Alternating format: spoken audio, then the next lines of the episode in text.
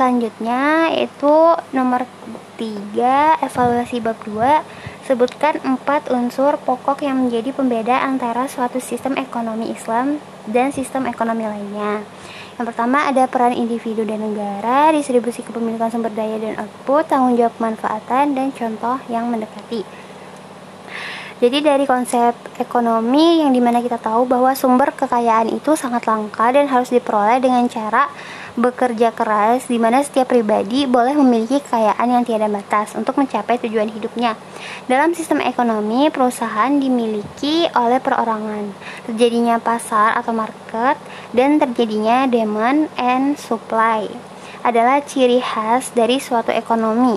Keputusan yang diambil atas isu yang terjadi seputar masalah ekonomi sumbernya adalah dari kalangan kelas bawah yang membawa masalah tersebut ke uh, level yang lebih atas.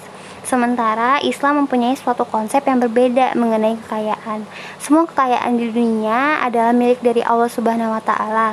Konvensional adalah untuk semata-mata mengutamakan keuntungan. Semua tindakan ekonominya diarahkan untuk mendapatkan keuntungan yang rasional. Jika tidak demikian, justru dianggap tidak rasional.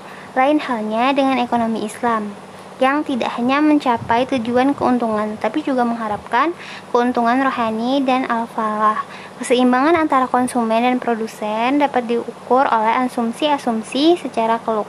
Memang untuk mengukur pahala dan dosa seorang hamba, Allah hanyalah uh, Allah Subhanahu wa taala tidak dapat diukur oleh uang, akan tetapi hanya merupakan ukuran secara anggaran unitnya sendiri.